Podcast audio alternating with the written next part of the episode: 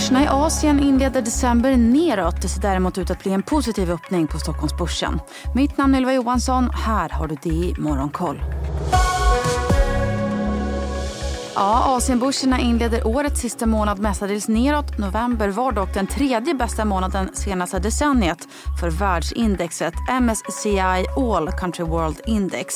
I Fastlandskina så backar Shanghai-börsen nästan en halv procent. Shenzhen-börsen är ner 1 procent trots att Kaixings industri-PMI steg oväntat mycket i oktober och landade på 50,7 vilket alltså är över gränsen för tillväxt. Statistiken lugnar marknadens värsta oro över återhämtningen i Kina efter gårdagens inköpschefsindex från Kinas nationella statistikbyrå som istället sjönk ytterligare i november. Hongkongbörsen backar en halv procent samtidigt så backar Alibaba 1 procent efter att bolagets amerikanska depåbevis fått en sänkt rek av Morgan Stanley. Rekommendationssänkningen kommer samma dag som PDD Holdings gått om Alibaba som Kinas största e-handlare med ett börsvärde på 196 miljarder dollar. På tal om e-handlare så lyfter Japans största e-handelsbolag 7&I 5% på Tokyobörsen efter uppgifter uppgifter om att man kommer lansera ett aktieåterköpsprogram på 748 miljoner dollar. Bolaget kommer också att göra en aktiesplit. Tokyobörsen handlas å andra sidan oförändrat. Samtidigt så sjönk aktiviteten i den japanska industrisektorn för sjätte månaden i rad i november till 48,3. Vi kan väl även nämna den sydkoreanska exporten som ses som en tidig indikation på världshandeln eftersom den släpps först varje månad. Den steg oväntat mycket med 7,8% i november. Oljepriset handlas ganska stadigt idag efter fallit tillbaka runt 2% efter gårdagens besked från OPEC plus om frivilliga produktionssänkningar på upp till 2,2 miljoner fat per dag. Vilket ju möttes med skepticism av marknaden eftersom det är osäkert om länderna kommer följa dem. Nu bekräftas också att Brasilien kommer ingå i oljekartellen. Brentoljan kostar knappt 81 dollar fatet. Samtidigt så är nu den tillfälliga vapenvilan mellan Hamas och Israel över. Efter en veckas vapenvila så meddelar Israel att man återupptagit striderna på Gazaremsan och anklagar samtidigt Hamas för att ha brutit mot vapenvilan, rapporterar Reuters. Det var annars blandade rörelser på Wall Street igår. Bredasbyggandet steg nästan en halv procent. Teknik Nasdaq backade däremot svagt, tyngt av techsektorn som backade på bred front. Och november det var en bra månad för börsen även i USA. S&P förvandlat lyfte totalt nästan 9% vilket gör det till indexet bästa månad sedan i juli förra året. Feds favoritmått på inflation mätt som PCE kom samtidigt in i linje med förväntan vilket återigen förstärkte marknadens tro på att Fed är klara med sina räntehöjningar och kommer börja sänka räntan under 2024. Beskedet fick dollarn att försvagas ytterligare mot flera valutor. Den amerikanska tioårsräntan steg dock några punkter och står nu i 4,33. Marknaden hoppas på ytterligare ledtrådar idag från Fed-chefen John Powell som deltar i ett så kallat fireside chat i Atlanta. Mot strömmen i techsektorn gick däremot mjukvarubolaget Salesforce igår som rusade 9,5 procent efter att ha slagit analytikerförväntan i sin rapport. Tesla däremot sjönk 2 procent efter lanseringseventet för Cybertruck vars lägsta pris på 60 990 dollar är ungefär 50 procent högre än de ursprungliga estimaten, rapporterar Reuters. Läkemedelssektorn lyfte däremot efter nyheten om att Abbey förvärvar Immunogen för 10 miljarder dollar. Immunogen rusade rusade 83 Abbi steg 3% Även HP lyfte 2% efter beskedet igår om att man utökar sitt AI-samarbete med Nvidia.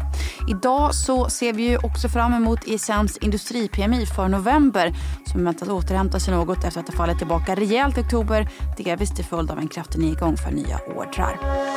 Så till Sverige och streamingbolaget Viaplay som precis släppt sin rapport efter att man missat deadline igår igen. Bolaget gör en lägre förlust än väntat på 321 miljoner kronor. Omsättningen även den något bättre än väntat. Men man meddelar också förslag till en omfattande rekapitalisering och kommer ta in drygt 4 miljarder kronor i en riktad emission till storägarna. Emissionen den görs till teckningskursen 1 krona per aktie vilket innebär en väsentlig utspädning av befintliga aktier. Man kommer också göra en nedskrivning på 2 miljarder kronor och meddelar att man kommer lämna de baltiska och polska marknaderna under sommaren 2025 bland annat. Mer om rapporten blir det såklart i Börsmorgon 8.45. Kan väl också nämna att kreditvärderingsinstitutet S&P sänkt kreditbetyget för trädgårdsutrustningsbolaget Husqvarna till trippel B minus med stabila utsikter från tidigare trippel B då man väntar sig en vikande efterfrågan men även att skulden kommer att gå ner genom förbättrad lönsamhet och starkare kassaflöden. Och fastighetsbolaget SBB har sålt fastigheter för 330 miljoner kronor under november vilket ska vara i linje med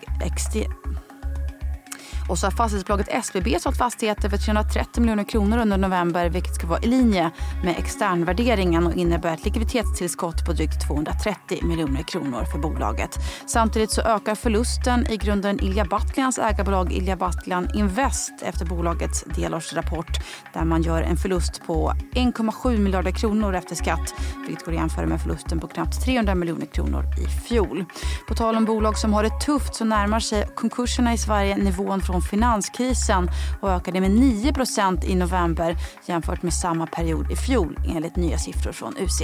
Idag får vi också ännu en uppdatering kring hur det står till i svensk industri när vi får Swedbank Silfs inköpschefsindex för november. Indexet har legat under tillväxtnivån 50 sen i juli förra året men steg ju ändå till 45,7 i oktober. Idag är det också premiär för DTVs julkalender som jag kan lova innehåller både en del rim och en och annan tomteluva.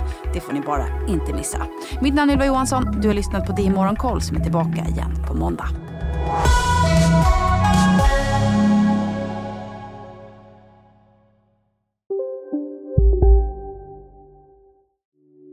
Hej, Ulf Kristersson här.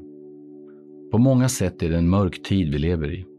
Men nu tar vi ett stort steg för att göra Sverige till en tryggare och säkrare plats. Sverige är nu medlem i Nato.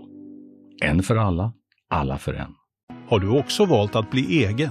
Då är det viktigt att skaffa en bra företagsförsäkring. Hos oss är alla småföretag stora och inga frågor för små. Swedeas företagsförsäkring är anpassad för mindre företag och täcker även sånt som din hemförsäkring inte täcker. Gå in på swedea.se företag och jämför själv.